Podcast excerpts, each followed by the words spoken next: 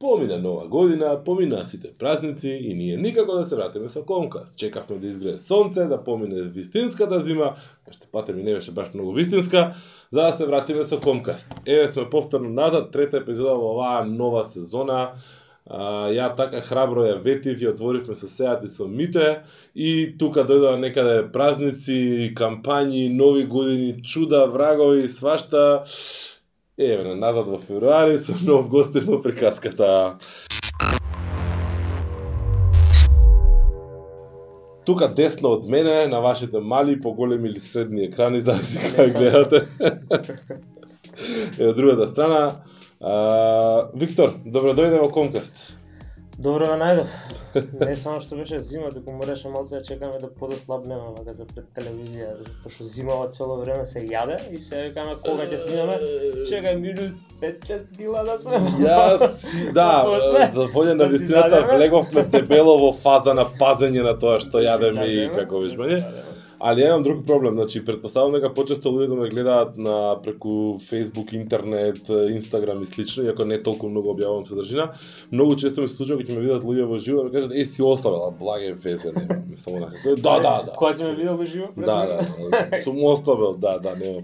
Кажи нека Значи, видно ослабени се враќаме во Комкаст и ќе дискутираме на тема е-трговија, затоа што Виктор ни доаѓа а, званично, формално и официјално како генерален секретар на Асоциацијата за е-трговија на Македонија. Погоди асоцијација голем дел викаат агенција за електронска трговија и сите луѓе не мешаат со АЕК, мислат дека Да, да, да, нешто да. владино или не знам што. Добро, ајк се доста мојкни и богати, така да не е Па- лошо да те мешаат така. Не е лошо, ама не мора. не е лошо, ама не мора. Да, АЕК регулира друг дел, вие се обидувате да протуркате една друга, да речеме, приказна, богата, позитивна приказна. Ајде за да воведеме малце, влеземе во муабетот, кажеме малце повеќе за асоциацијата. Значи имате активности, сте активни, има реакција веќе од луѓето членки, не членки, отворени, затворени настани. А, можеш ли на кратко да ми кажеш што се случува сега или што се случуваше во Ова, 2019? Асоциацијава генерално е основана две години, за две години активно работиме и работевме уназад на креање на свеста за е-трговија, а, креање, подигнување по литературно, не врска. А, работиме на едукација и здравје Боже во 2020 си ставивме за цел да работиме и на зголемување на понудата на е-трговијата, бидејќи еду, како два клучни сегменти и проблеми, под наводници може да ги кажеме што од сеопфатното истражување кое го правевме кога почнавме, Мгм. бидејќи нели за да знаеш што е проблемот мора да направиш некое добро истражување, ние направивме од 103-40 страни, каде што ги видевме кои се предизвиците, таму излегува дека едукација и понуда се едни од поклучни предизвици и проблеми. Па така, до сега кога работевме на едукација, сега од 2020 ќе работиме и на зголемување на понуда, зашто ради тоа што тие два столба се директно врзани еден за друг. Едукација како на што ќе ги едуцираме луѓе ако нема од каде да купуваат, Мгм, мгм. а понуда, чего Кога- кога- понуда ако немаме едуцирани. Ај вака се, значи кога велиш едукација, зборуваме за едукација на генерално купувачи или продавачи. Предпоставам дека из двете, ама што Сеопфатна едукација. Збориме едукација и на купувачи, каде што им укажуваме прва работа на безбедност, ради тоа што мислам во 21 век секој човек што има пристап до интернет не смее да се сомнева во безбедноста во е-трговијата. Зошто? Прва причина ради тоа што ниту една продавница не е никако врзана со плаќањето на онлайн, односно плаќањето преку е-трговијата, туку секоја наплата која се врши, се врши директно на сервер на банка. За да го некој нападне и стане небезбеден серверот на банката, тогаш е напад и, не знам, на секојдневието и на сите трансакции што регуларно се прават. Така да, тој таа предрасуда можеме да ја тргнеме целосно, односно на во однос на безбедност. јас уште едукација. пет, да. Извини, не се зазборав, ја се. Ајде, кажи, кажи. Ја чепнате. Кажи, ако не е проблем. Правиме едукација и на бизниси, ради тоа што е трговијата сама по себе е многу добар канал, дополнителен канал може да биде исто за продажба на бизниси кои што не се занимаваат со е трговија да почнат, ама при тоа треба добар менеджмент, ради тоа што е трговијата е продавницата, онлайн продавницата ни е исто како да земеме дуќан. И сега а, инвестирањето во онлайн продавницата значи влечењето на нови корисници, да дојдат да не посетат, е атрактивноста која ја имаме на локалот што ќе го изнајмиме или што ќе што го поседуваме, не мора да го изнајмиме. А во однос на тоа како ќе изгледа и така натаму е излогот како сме го уредиле. Каков е односот наш со клиентите преку интернет е исто што и односот со продавачките кои ќе влезат муштери. Така што секојдневно треба да се работи од како ќе се изгради продавницата, а не само да се изгради продавницата и сега да Така. кажеме Ќе Е, ќе дојдеме до таму, имам серија на прашања искуствено, па, нели, стиво комуникација и стиво комуникација со поголем број на на продавачи или потенцијални продавачи на пазарот. Само да си го споделам тоа што ти си кажа на срце што ти лежи, ја да си кажам.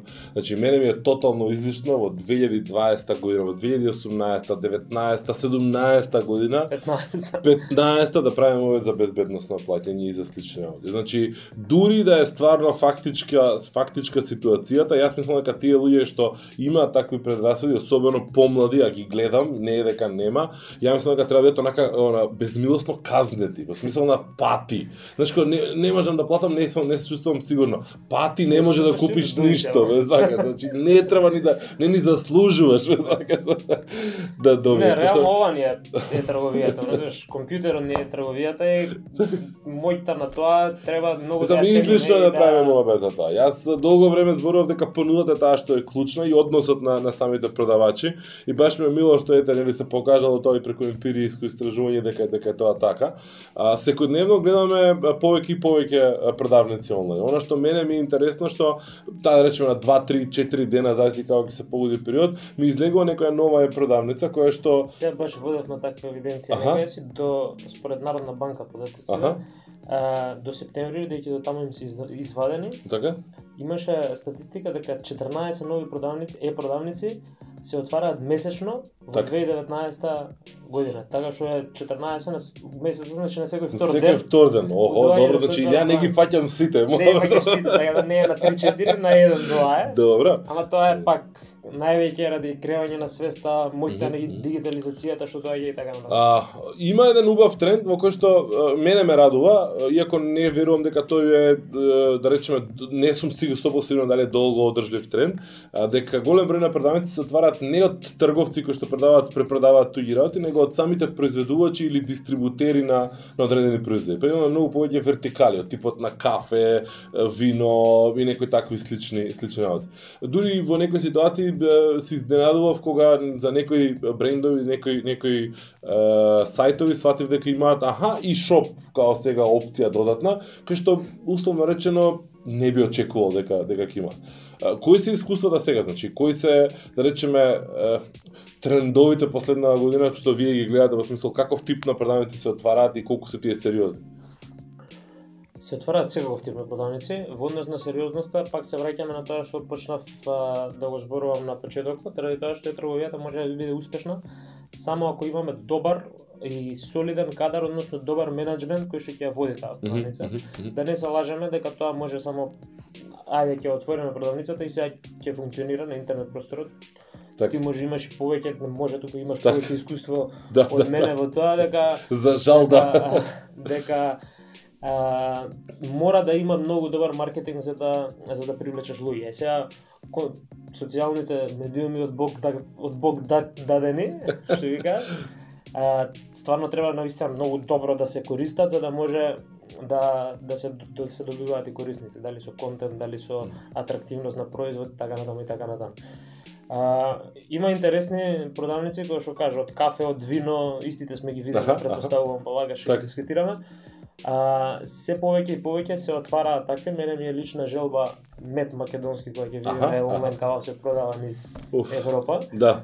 и која ќе го увидат тој квалитет.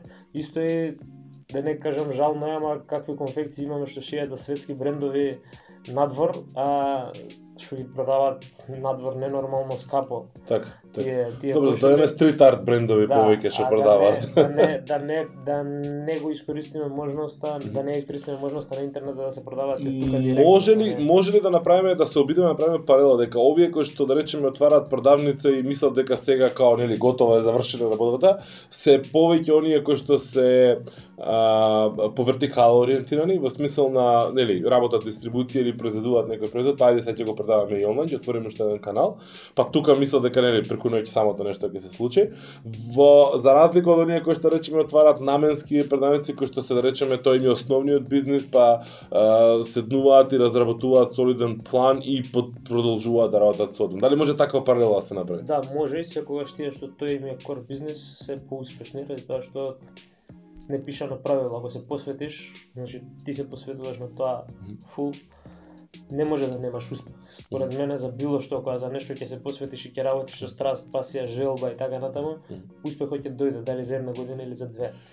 Тие а, што ги спомена, што се по вертикала, односно како што развиваат дополнителен канал, а, не е дека не се успешни, има такви успешни, а, посебно не знам некои врвни продавници кои што сега е Може слободно да спомнеш брендови, Може да не, не ми е никаков проблем. конкретно, не знам, Fashion Group, Мгм. а, се бренд на кој што ја исклучително сум и горд ради тоа што инвестираат многу во продавница и на некој начин се гледа дека баш пред некој ден одам во нивна продавница во City Mall, пробувам нешто и гледам купувај онлайн на стаклото во гардероберот. Значи има и офлайн кампањи што може да привлечат многу внимание и да растете. Сега они не е дека брендовите у City Mall не им продаваат, па отвараат онлайн. Туку отвараат онлайн за да фатат поширока публика, да фати човек и од Струмица, и од Струга, и од Охрид, и од Битола, и од Прилеп и така натаму и така натаму.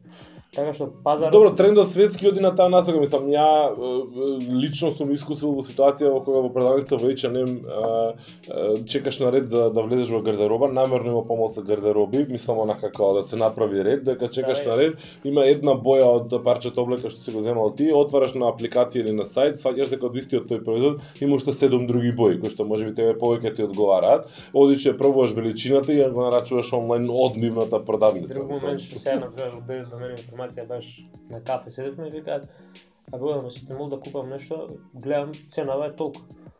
Викам бе попуст, таа попуст онлайн. се. Мгм. Отварам онлайн, гледам дека имам 20-30% попуст на истото, на истата работа, не е Така. дека е различно.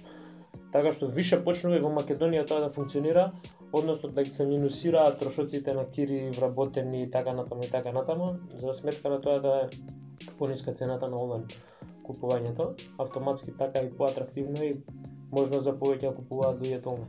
Тоа Тоа е секако радува, го Тоа гледам. правевме во Америка, ние ја бевме work and travel пред едно 5-6 години Мгм. и гледаме и идеме, аха, добро, оваа мајца ми се свиѓа, идеме македонското, идеме ја пробуваме мајцата, добро ни одговара, си се враќаме на Амазон, си ја нарачуваме, ни стига дома истиот ден, Мгм, мгм. едно 5-6% поевтина таму.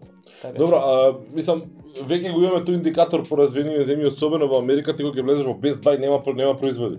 Значи има онака како флекшип производите стојат затоа што нели имаш штанд убав нареден за да го видиш ти телефонот, апаратот или што и да е друго и се што друго ти треба е, е нарачка. Мислам, тој момент на на гледање офлайн, купување онлайн, Apple го воведе уште пред Apple години го- наназад, нели во салон директно ти идеш само Да, нели да, да, да видиш, си кажеш, аха, добро, она, можам да го допрам, значи постои, ќе го ќе го купам. А, кои се да речеме, еве спомна некој од нив, кои се другите за- шампиони? Apple прават се една добра, многу интересна фора за онлайн купувањето, му викаат, сега не знам, ти идеш и одиш да купиш 2000 евра лаптоп во. Apple и очекуваш дека ќе те интересат или не знам Мгм. што. И ти викаат, почекај малце си чекаш 20 минути, 25 минути за да те услужат за лаптоп. А сега да ти докажа дека онлайн тоа може да направиш многу побрзо. Аха, аха. Така што тоа е нешто ново што го слушнав од еден човек што брзо пред 3-4 месеци ми го кажа, се врати од Америка Аха. и баш бев онака као Не вајда. не е валјда дека стил од една од една страна ти прават демек да се осеќаш дека не секој може да ме има у стил на лаптопот, а од Добро. друга страна демек ние ако сме скапи имаме бајаги корисници што треба да почекаш за да не имаш. А знаеш, Apple корисниците дека ако се Да, да, да, да, уред, да. толку тоа е. Да. Знам. Кога ќе се врзиш за спомна неко, спомнавме неколку примери.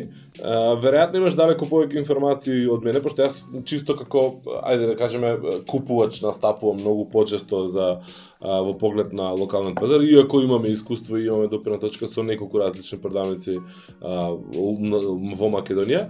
А, кои се шампионите според тебе? Значи тука, кои се да речеме некои кои што внесуваат промена, кои што условно речено го потурнуваат пазарот напред во различни сегменти, не мора да биде нели нешто нешто конкретно врзано. Кога да, зборуваме за е трговија сега. А, не знам, еве на пример Групер е сајт што 11 години гора пазарот за трговија. Так. Ја лично сум работел тамо и знам и практично како е и што значи луѓе се јавуваат буквално да прашаат што е CVC код. Мене многу ми се свиѓа што они уназад 11 години не не попуштиле да има плаќање на рака, односно mm -hmm. се било онлайн, така да имаат едуцирано многу луѓе. Так, так. А, онлайн супермаркети како пакет МК исто што mm -hmm. не практикуваат плаќање на плаќање на рака и цело време инвестираат во иновативни идеи кои што ги гледаме сите по социјални медиуми во стил кесичка со нешто убаво внатре и така натаму и така натаму. Па се до големи телекомуникации Клучниот момент, кои што да кои што на некој начин ги едуцираат луѓето за да купуваат, а нај според мене најголемата едукација доаѓа од кога почна да се плаќаат сметките онлайн. Односно, не знам, ева на водовод, телефон, струја и да, такви да. Кога почна луѓето да плаќаат онлайн наместо да чекаат, пошто за сметки стварно се чекаше порано за да платиш. Па сега уште повеќе се чека. И делумно веројатно заради истата причина, според моја предпоставка како што прават и Apple, а, за да те избркаат надвор од да, ама, од уплатно место да, за ама реално не под, мислам, три клика се за да платиш. Ти стига сметката конкретно се за телефон. Ми так, стига так. сметката на мејл, три клика, кликам, Да. Ни укуцувам ни ништо, ми се чува да, картица да. од телефон, си плаќам со три клика и не Јас. Кога кога почна овие режискиве фирми да овозможуваат оној момент на брзо плаќање во смисол внеси бројна сметка, внеси картичка и плати, а, почнав мајка ми да ја учам на телефон, онака да инсталирам посебно за да, струја, за вода, апликации као шорткати директно и да кажам овде иди плаке си као не се да, опште замаре да, за... особено сега зима, мраз, нешто да, да, не, не само тоа, ама мене искрено во ова темпо на живот некако не ми е сватливо чекањето од пола саат на шалт за да Ако може да надополнам пошто знам дека пакетно многу умнее ме онака како баш херој приказка у, у ситуацијава и а, а, поправиме ако грешам предпоставам дека тука разликата всушност се направи во ситуација кога имаше испорака која што имаше логика а, и имаше грижа за корисници која што имаше логика. Во смисол на добро сортирани производи во кеси, а, точно дефинирање за то, кога ќе ти дојде производ, да не го чекаш цел ден, него во одреден саат и слично. Мислам дека тоа беше моментот што направи Песот. Не е дека предходно немаше понуда да ти купиш производи за имаше широко стока. Немаше понуда за да се испорача. Так. Што и до ден денес е многу тешко тоа. Ај се стигаме до предизвиците. Ајде да видиме предизвик број 1 на трговците. Е да сме. Ова беше затвори, сега затвори врата, изгаси камера. да видиме сега да затвори. Иначе за пакен мка многу се смеам и секогаш што го кажувам, мене многу ми се свиеше тоа што носат свежо овошје и свеж зеленчук и ти го носат Да, тоа беше се ускорешна фаза да, почна да го работи. Во реал тайм свежо ти носат и кога да. се јаве портокал Не се си Не, не, не, извини, сега ќе испадне како платена реклама, Драган, ќе се договориме. Да, ќе ти пуштиме фактура. Сладоредот беше врв, значи остаја ти овочето, кога ја видов дека почна сладолед да да продава, викам добро, чекај малку, значи не не е феро. Моите најтрговија. А, ајде тоа е жвака. Ова е само еден доказ дека постојат решенија за да куп работа. Значи јас кога гледав една имаше моја пијаца, еден добар добар сајт онлайн во Србија, во Белград, кој што е баш работеше само со зеленчук и Милош и други пропратни работи, баш како братство единство на времето. Да? А, и имаше, разговарав со луѓето што го правеле сајтот, пошто има направено по килограм. И се ама и делови од килограм натре во смисол кога ќе ставиш цена, па тежина, па како се пресметува, па за различни производи, различни беа целите на кои што се дели. И стварно делуваше како малку предизвик за да се направи сето тоа. И седнав онака ги познавам луѓето што го прават, што го прават сега, што го прават целиот бизнис и да ги прашам како ги решиле тие проблеми, пошто имав некој сличен како да кажам, една десетина од тој проблем за, за еден клиентски сајт.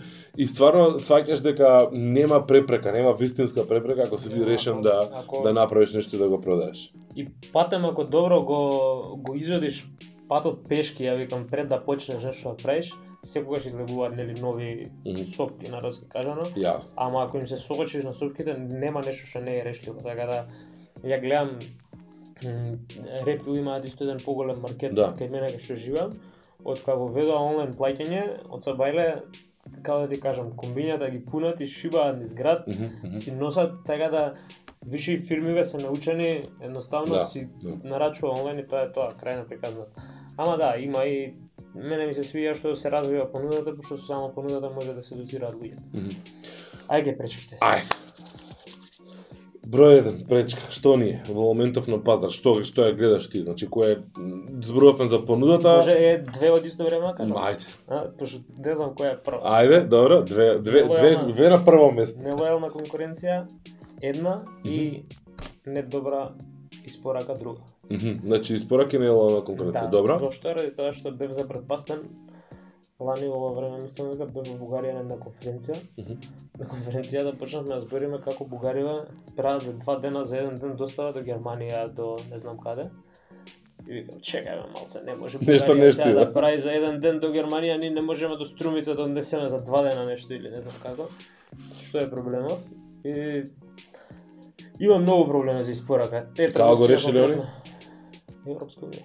Добро, окей, ама технички, логистички, што поголем пазар, поголема фреквенција, движење, Поголем потреба. пазар, е, соработка со појаки компании, врзување со интернационално Мгм, мгм. соработка и а, инвестираат. Мгм. На, на која инвестираш, при тоа што имаат стварно оние големи ресурси што им влагаат во државата, кога нешто инвестираш, автоматски не може да не ти се врати. Добро, некој- е, да се вратам, значи знам дека пошти ви беа дел и од конференцијата, нели македонски пошти првата што ја организиравте, Да. е, учествуваат на некои од овие настаниви што ги организирате и Се слично. Имате други освен нив членки, асоциациите имаат членки што се дистрибутери баш логистика да, што има радат? екологистик сервиса. Аха, да. Они искрено воведуваат една добра иновативна според мене како од една страна еко, од друга страна брзина и квалитет така да воспоставува. Кај се јавува недостаток, А. значи кај се јавува проблемот овде? Ете има доволно има компании проблем. на пазарот ја што делува дека има конкуренција. Прв проблем што сите го кажуваат е човечки капитал кој што треба да работи таму. Мгм. Значи ние имаме реален проблем со човечки капитал во било кој сегмент и било кој сектор. Добро. Ради тоа што едноставно идејата е супер, ако немаш работници, што не правиш, пошто Правиме мовет за Да. посветени работници, правиме мовет за работници воопшто или правиме мовет за работници кои што ќе останат на работа подолго од 3 месеци? правиме муавет за работници што ги си ја работат да работат. Мгм, мгм. Зошто? Ради тоа што има работници што едноставно за мене не е пошта, ако мене ми каже поштата дека јас ќе испорачувам до било кое село, град во Македонија, и сега го праќаме во село од Радовиш, ова ми е директна покана Мгм. што од Етрговец ми е дојдено, го праќаме во село од Радовиш да однесе пратка и тој ја остава во локалната продавница пратката на не знам кого таму и му пишува на човекот, му вика еј слушај, на тој што треба да е Да, приготвен. да. Еј слушај, е, пратката ти е во Кооперација. продавницата на таа и таа адреса. Ти не, не треба да ми доставуваш. Ако ако јас, пошто тоа не е квалитетна испорака, да се разбере. Апсолутно, апсолутно. Квалитетна испорака е ако пред, предходно си се договорил, треба да ми стигне до адреса. Ќе ми стигнеш до адреса, ќе ме најдеш. Ако не сум на адресата, тогаш е мој проблем, ќе ми се јавиш, ќе се организира. Да, да. Ама во случај да сум на адресата, не може ми ја оставиш ти на 2 километри подале у продавница пратката. Мгм. Без разлика кај да сум, бидејќи за таа пратка е крајот на ден платен. Да, да, да. Тоа е генерално кај предизвици пошти, м, ја викам тоа, не се мислам да не ги караме, ама а, Добро, мора да има кој е нивното, некоја кој е нивното оправдание? Немаат економска логика?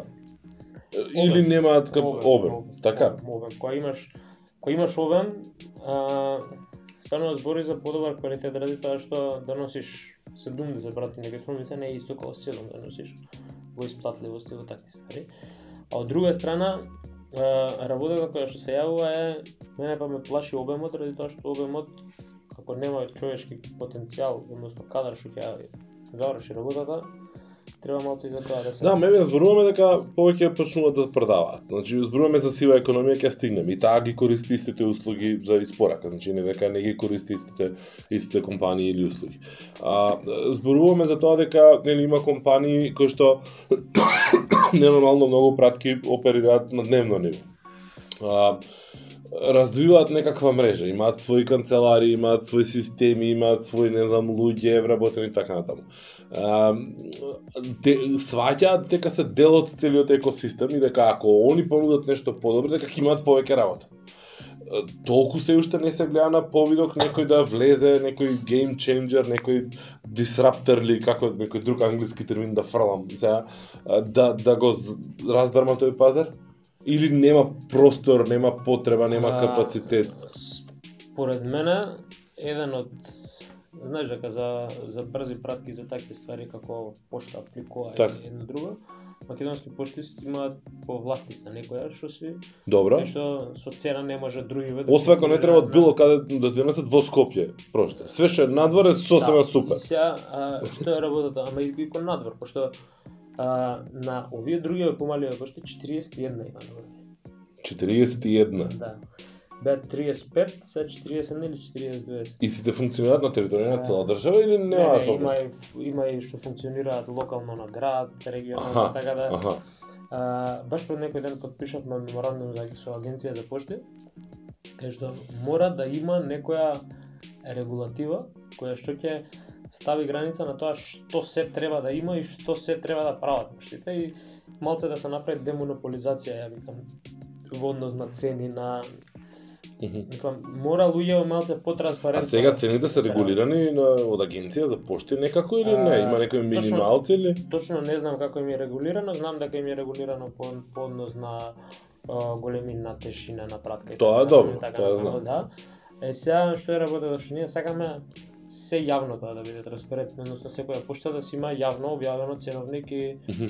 И тоа најверојатно сме во фаза на подготовка каде што на една платформа ќе може да се добиваат сите информации, зборам сите информации кои му се потребни на еден трговец или Така. на еден што сака да се занимава човек што сака да се занимава со трговија. Збориме регулатива, збориме payment како да имплементираш, Мгм. кои се условите во банкиве, збориме delivery, што е можноста, Да. а, кои се цените, временска испорака, избориме се како на крај успешни приказни што ќе ги промовираме за да може да ги мотивираат тие што сакаат да отворат нов бизнес, да влезат таму кај што треба да влезат.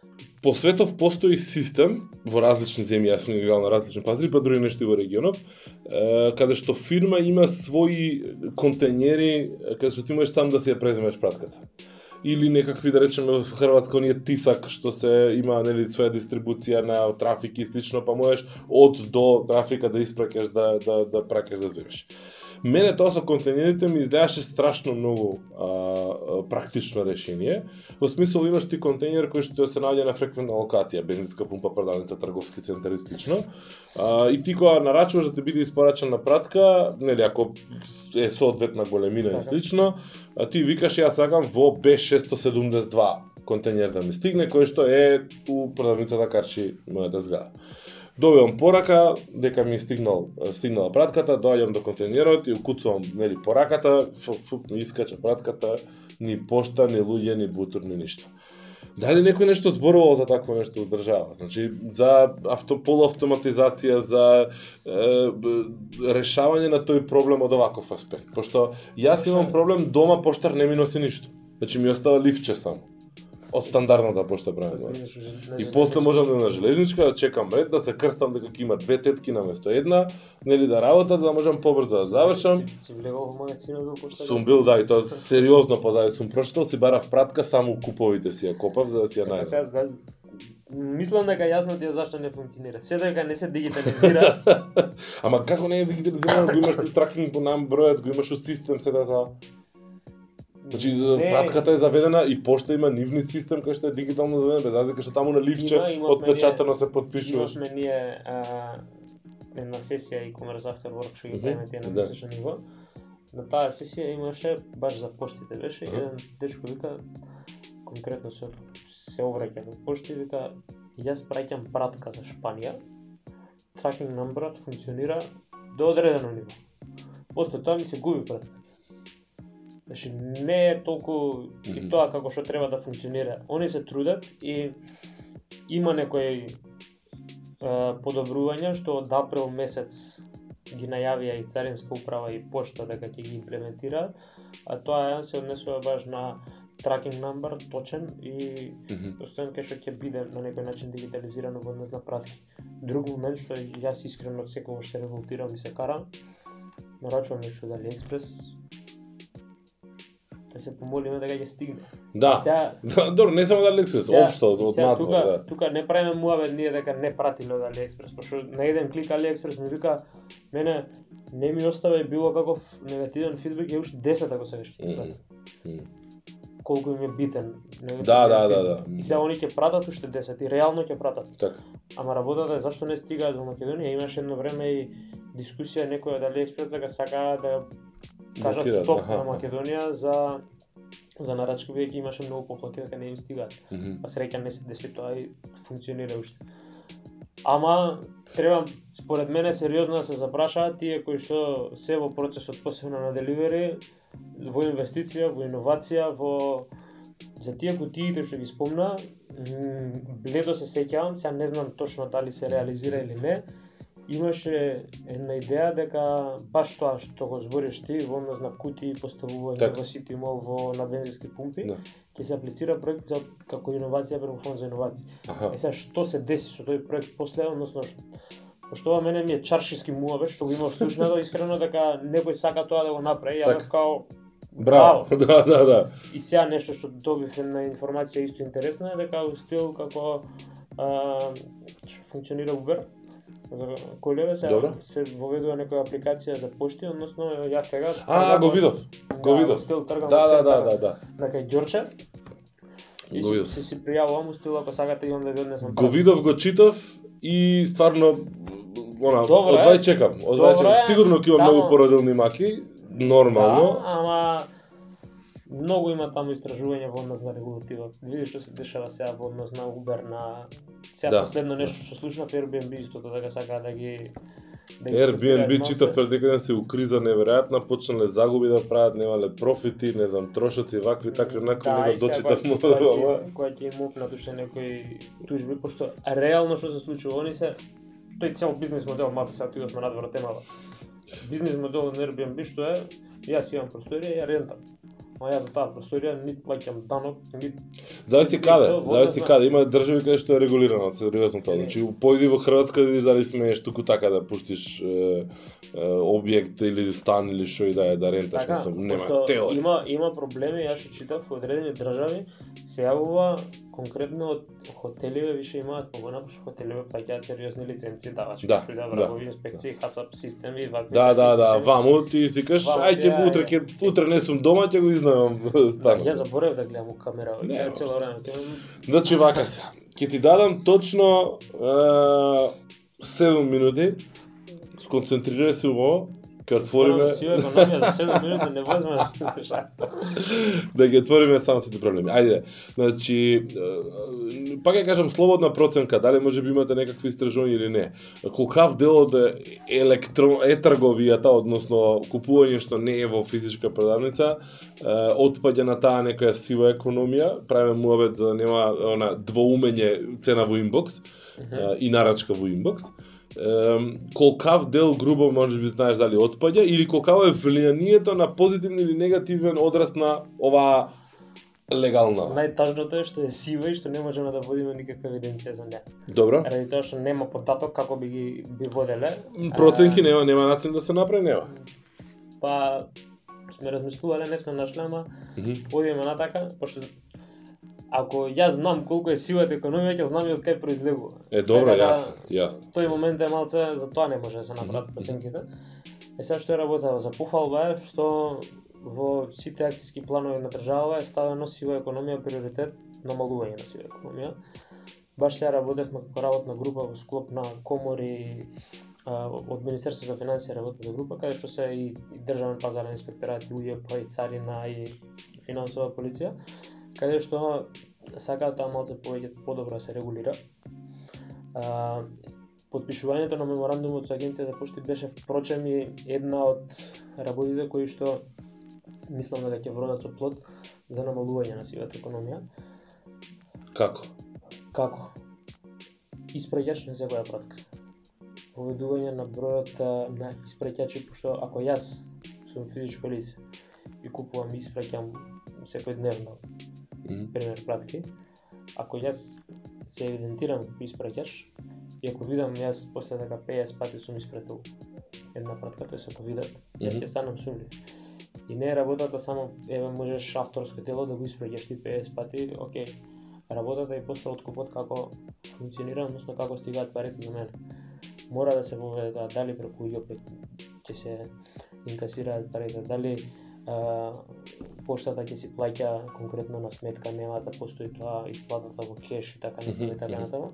Се работи на во, во склоп на тој акцијски план баш за овие мерки за за да се подобри малце тоа и да се не е поентата да се казнат нелегалните трговци. Поентата е да да им се укажа кои се бенефитите од легалната е трговија. Зошто ради тоа што јас сум човек што купува и ми искочила на Инстаграм и сум купил еднаш.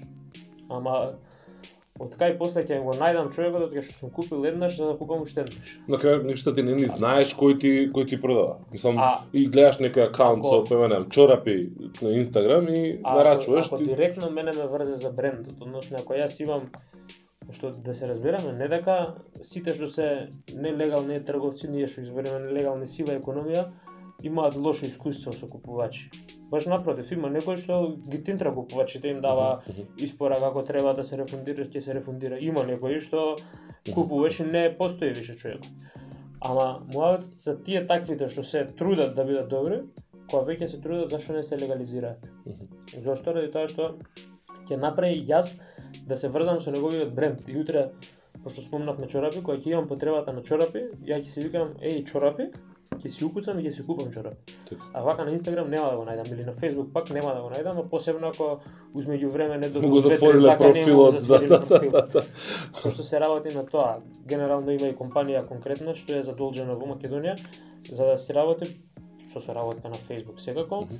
Си работи на баш она да ги најде кои се тие нелегалните трговци што препродаваат на Мгм. Facebook, така што има најмногу поплаки и да им ги банираат сетовите. Во Македонија има компанија која што е овластена од Facebook да го работи тоа, Во Македонија, таа е регионална компанија, не е само во. Македонија дека постои. ама има и Македонија на на листа да, на ја има Македонија каде што си има со меморандум на соработка, прочем мислам дека држава има подпишано меморандум на соработка со Facebook, каде што по одредени институции може слободно по допис да по допис на Facebook од и компанијата и држави, државни институции да се банира За МВР знам, за ова прв пат слушам за за илегални трговци. Добро. Реект, мислам дека се викаше фирмата така нешто, баш се Интересно. да, ќе Супер. ти ќе ти кажам. А, добро, сега од една страна нели као нели тој момент на легализација, нели сиви пари и слично, од друга страна е заштита на купувач. Значи приказната со заштита на купувач, во смисол дека купувачите не се свесни во какви ризици влегуваат кога купуваат од сив продавач, во смисол во инбокс без никаква сметка, без документ, без ништо. Иако постои И впрочем, кога станува збор за безбедност, тоа е тоа што ја нарушува малце безбедноста во трговија. Зашто не зашто не веруваат луѓето во трговија? Затоа што претходно нарачал Армани патики за 10 евра на Инстаграм и му Ама кај ги стигнале платил, не ги платил. и му стигнале ролетни. Не знам. Добро, Не знаеш, или му стигнале 46 патики. јасно. И јасно. си ги платил на дали на поштата, дали претходно си ги платил на нашле начин како да му земат пари. Мгм. И сега што стана, не ги платил преку платежен процесор на интернет, сигурно. Така. Што таму ако се платат, Ке има трак рекорд, има имаш да. трак рекорд, имаш жалба до банка, имаш можност за Така, рефундации и така. така натаму и така натаму. Моментот е дека не едукација на луѓето доаѓа до а, пречка, односно прега после за да не веруваат во однос на на Дали реално, е сега не сум го анализирал тоа, пошто ракам се никој пат не сум купувал во инбокс, а, дали реално постои разлика во цени, во понудата кај овие што се да речеме сива економија и овие што имаат нели свој регуларен, регистриран Постои, знаеш зашто постои највеќе ради тоа што станува збор за фалш роба одно- во однос на оригинална роба. Добро, сега ти ми конкретно- правиш момент за Армани и слично кој што Не за речеме Армани, на конкретно не знам, Adidas патики. Добро. се дешава, баш имавме поблака, а, креативата на Facebook што ја имаат објавено спорт тем, им си имаат десено да, да им Да ја украдат креативата, да сменат цената и со таа креатива да продаваат патики. Исто. Аха. Уствари овие ги продаваат пример 1500 денари, вамо реалната цена е 3000 денари на патики. И вика сега за 1500 денари, има разлика, има, еј, супер, ќе ги купимо овие, кога ќе ги купи може да добија 46 вместо 42 како што мгм. Има разлика, но разликата не е во однос на квалитет, туку разликата е во однос на на тоа што не е како што треба пратката што Така. у 90% од слушаевите сега да има луѓе што ти викам си продаваат преку Facebook, а си имаат нормални продукти, посебно ракотворби, авторски дела и Да. така. Да, да. Добро, е, ајде да речеме дека далеку дека сме ја отвориле саглам темава со сива економија, затоа што ова е Да, само има. преку пошти еден сегмент, еден можен начин како да се како може да се регулира. Од друга страна, во бројни дискусии се истакнува моментот дека тие се толку мали трансакции, толку изолирани трансакции, да нема начин во моментов законски како да ги гонат. Дека нели имаше минимална сума, минимална штета, не знам број на трансакции, не знам број на луѓе пријавени и така натаму, па финансиска полиција или УЈП или кој да е. Нема законски, законски законот се менува. Добро, јасно, Да, сакам да така кажам да- во моментов нема рам, нема законска рамка која што може лесно да ги да ги збркне овие. Во моментов нема ради тоа што не можеш да дојдеш до тој кој е пратил пратката. Јас можам, Мгм, мгм. јас можам денес да пратам из- од 10 пошти да не кажам од која од Јасно, јасно. како испраќач се јавува поштата Добро. некогаш. А добро, Така кога да ги има- ама кога ги зимаш многу- пајте ти запишува број на лична карта и тука завршува приказката. Со може кој било да дојде да ги земе со лифчето, еве парите дај ми ги за откуп. Е, сега што е моментот, моментот е дека поштите треба да бидат инспектори, а не соработници на сивата економија. Аха. Зошто ради тоа што како сметководителите што ако има на пример сметководителите конкретно Да, презимат одговорност. презема одговорност ако има нелегалности во Да. правниот субјект што они го водат. Да. да. Истото треба да се деси со Така. поштите. Ако поштата уреди дека некој не го почитува закон, треба да превземе одговорност, а ако не превземе одговорност, треба и он да носи Да сноси да одговорност. да. во еден од овие предавници што ги зборевме, ги тргнав ги читам правилата за испорака. И као вика, цената за испорака е 0 денари, рок на испорака е 24 сати. Не знам тоа, до 17, после 17, како им иде нели броењето Да, да. на нарачките. И последната реченица викаше вака, доколку фирмата со која што соработуваме за испорака не успее да ја достави пратката на време, ние не преземаме одговорност. Значи продавницата правиме ова. И сега си кажеш, добро, па горева се што е напишано ми паѓа у вода. Вие никој пат не знаеш- сте виновни. бре. Се знаеш колку на продавниците, мислам од таа реченица можеш да сватиш колку им зависи бизнисот од од испораката. Зошто ради тоа што на крајот од денот јас купувам од интернет, јас не знам од кој Не позади интересира, не страната. знам, не лицето- интересира, да. Лицето ми е поштарот што ќе ми ја донесе пратка. Да, да, да. Мислам, да. Тоа е тоа што го збориме дека поштарот треба да биде лицето на секој бизнис што продава и трговија посебно. А, во една ситуација стигнав да разговарам други со колеги од Србија дека српската пошта е, е дека е добра, дека има многу подобра Српската основа. пошта и дека дури има стигнато у фаза да они ти направат откуп на е, поголема количина на производи да стојат кај нив во магазини и ти само на дневна база, на дневна база да им испаѓаш кој производ на која адреса треба да се испорача. Знам со автор на книги, пријател еден кој што нака зима контингент 100 книги ги дава у пошта и они ги носат на централна локација некоја и ти само од сабајлен пушташ имејл во одреден формат кој што ти вика Excel whatever, што и да е, и ти вика та, толку парчиња од тој производ на таа адреса. И тогаш трошокот нивни е смешен, значи уште помал а, него него нормално да ти да да пушташ пратка. И кажува дека тоа функционира. Ти ги собираат овие парите, ти ги исплаќаат после на сметка. Многу, многу пофалби во однос на поштата и во однос на испораката. Мене ми се има десено а, од- исти бренд од Македонија и од Србија. Мгм, Да нарачам од истиот бренд. мгм. Истата работа, мене од Србија ми стигне побрзо. Јако. Не, уопште не е јако, треба малце тоа да а, ми стигна истата работа од истиот бренд од Србија побрзо него од Македонија, јас сум во Македонија. Не се, има многу за подобрување, а Србите се многу понапред, имаат и целосна платформа, баш сега ја гледав за сива економија конкретно што Мгм. им е, со конкретни мерки, со конкретни работи што треба да се превземаат. Баш се се се смеевме во канцеларија во однос мој ДДВ, окей, апликација, не луѓе опашаа да сканираат, Да. а ја мислам дека во Македонија треба обратно од мој ДДВ да се направи, односно пријави нерегуларност со доказ.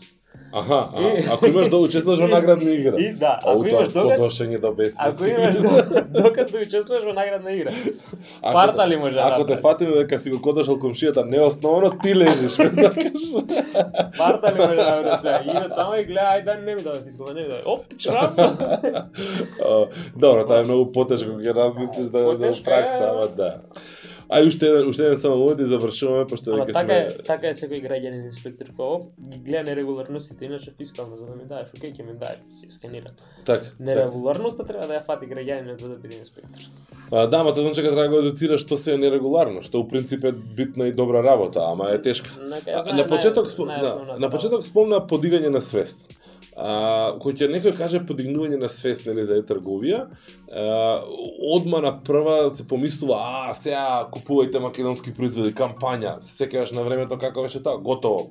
А, дали некогаш дошло до идеја, желба или сте почувствувале потреба дека стварно треба да се направи нешто такво општо, а, нека општа генерална година, кампања? Оваа година за прв пат конкретно имаше а, тие можам и да ти ги пратам податоците mm пошто се од истражување на видео, под видео или го Аха. каде. Имаше дека бројот на пратки бројот на нарачки што се направени се повеќе направени кон македонски продавници него ли кон странски продавници. О, добро. Да. А ова е до 9 А, месец според Ама то, исклучени се речиски трошоци тука или не се? Не се. Добро, ништо. Што видиш така ќе ми протнеш. не, иначе тоа со режиските трошоци е нешто што сега го разговаравме баш на последнава e-commerce сесија што Да, да се раздвои ако може, да. За payment да се раздвојат со цел и мислам дека земаат обврска од Народна банка и тоа да се случи, да ги раздвојат за баш на реално да се види колку Така. луѓе те купуваат во Македонија. А, мисли, Што не дека не е плаќањето на сметки малте не. се број, не е дека не треба да се број, ама влие различно, значи ја искривува малце сликата реално. Во однос на вредност, на број на трансакции, Така. А, значи, ајде голема кампања, треба да има, не треба да има, да сте почувствувале, мислите дека може да промени нешто, има у план нешто така, чисто онака, пошто кога некој ќе каже подвинување на свест, викам пак билборди ние мислиме, автобуси ќе шетаат, со купувајте онлайн. и слично. а, Дали мислите дека тоа би имало влијание некакво? Јас мислам дека подигнување на свеста се однесува пред се на влегување на човекот на некој начин во свеста дека е трговијата е безбедна. Така. Прва работа, втора работа дека во Македонија треба пред се да има добра понуда, Мгм. што идеме на така. Така. Секогаш може подобро, не дека сега имаме лоша или не знам што, ама да зголемиме добра понуда и отом потом луѓето се привикнуваат на тоа. Иначе се слагам кампањите секогаш вродуваат плод и треба да има такви кампањи, ама асоциацијата како асоциација може да биде иницијатор и да ја спроведува кампањата, али Така, за да се така. спроведе таква кампања се знае дека треба да се има и подобра поддршка Така. генерална од институции.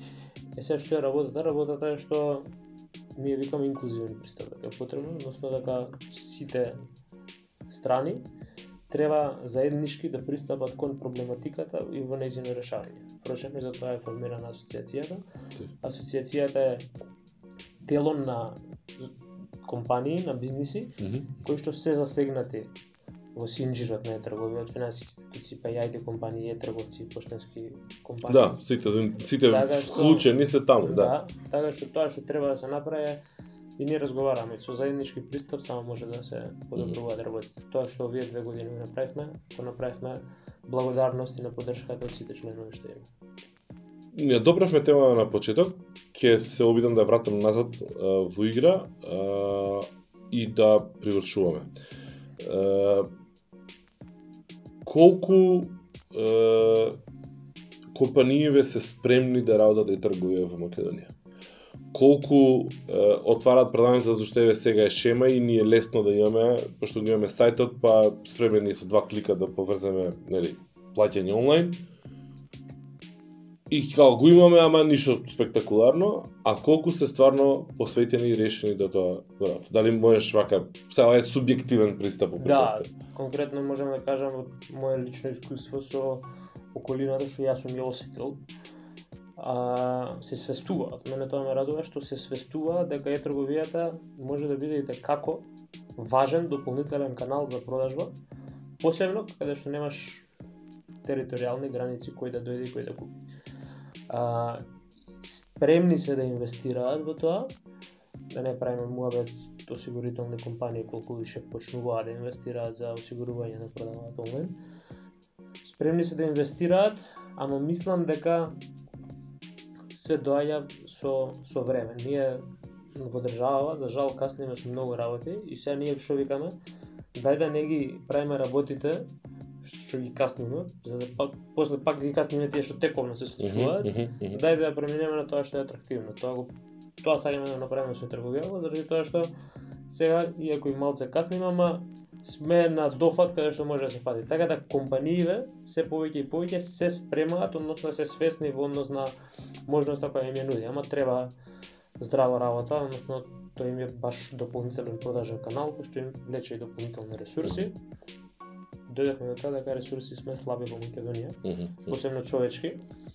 И тука некој заеднички заедничка помош треба да се даде на сите, односно и за тоа постоиме каде што секаде каде што може да помогнеме како асоцијација во однос на совети за а, точно и како да се води е бизнисот, односно е, прода- е продавницата, стоиме на располагање за да помогнеме. Сега работата што е на крајот од денот секој колку што сака да инвестира во тоа. Јас надам дека во следната прилика, кога ќе седнеме вака пред камера и ќе зборуваме подолго време, ќе имаме Подолго од еден саат. Па да, тука сме некаде. Ќе можеме без грижа на совест да изземеме еден збор од ова што го зборувавме сега, тоа е дополнителен.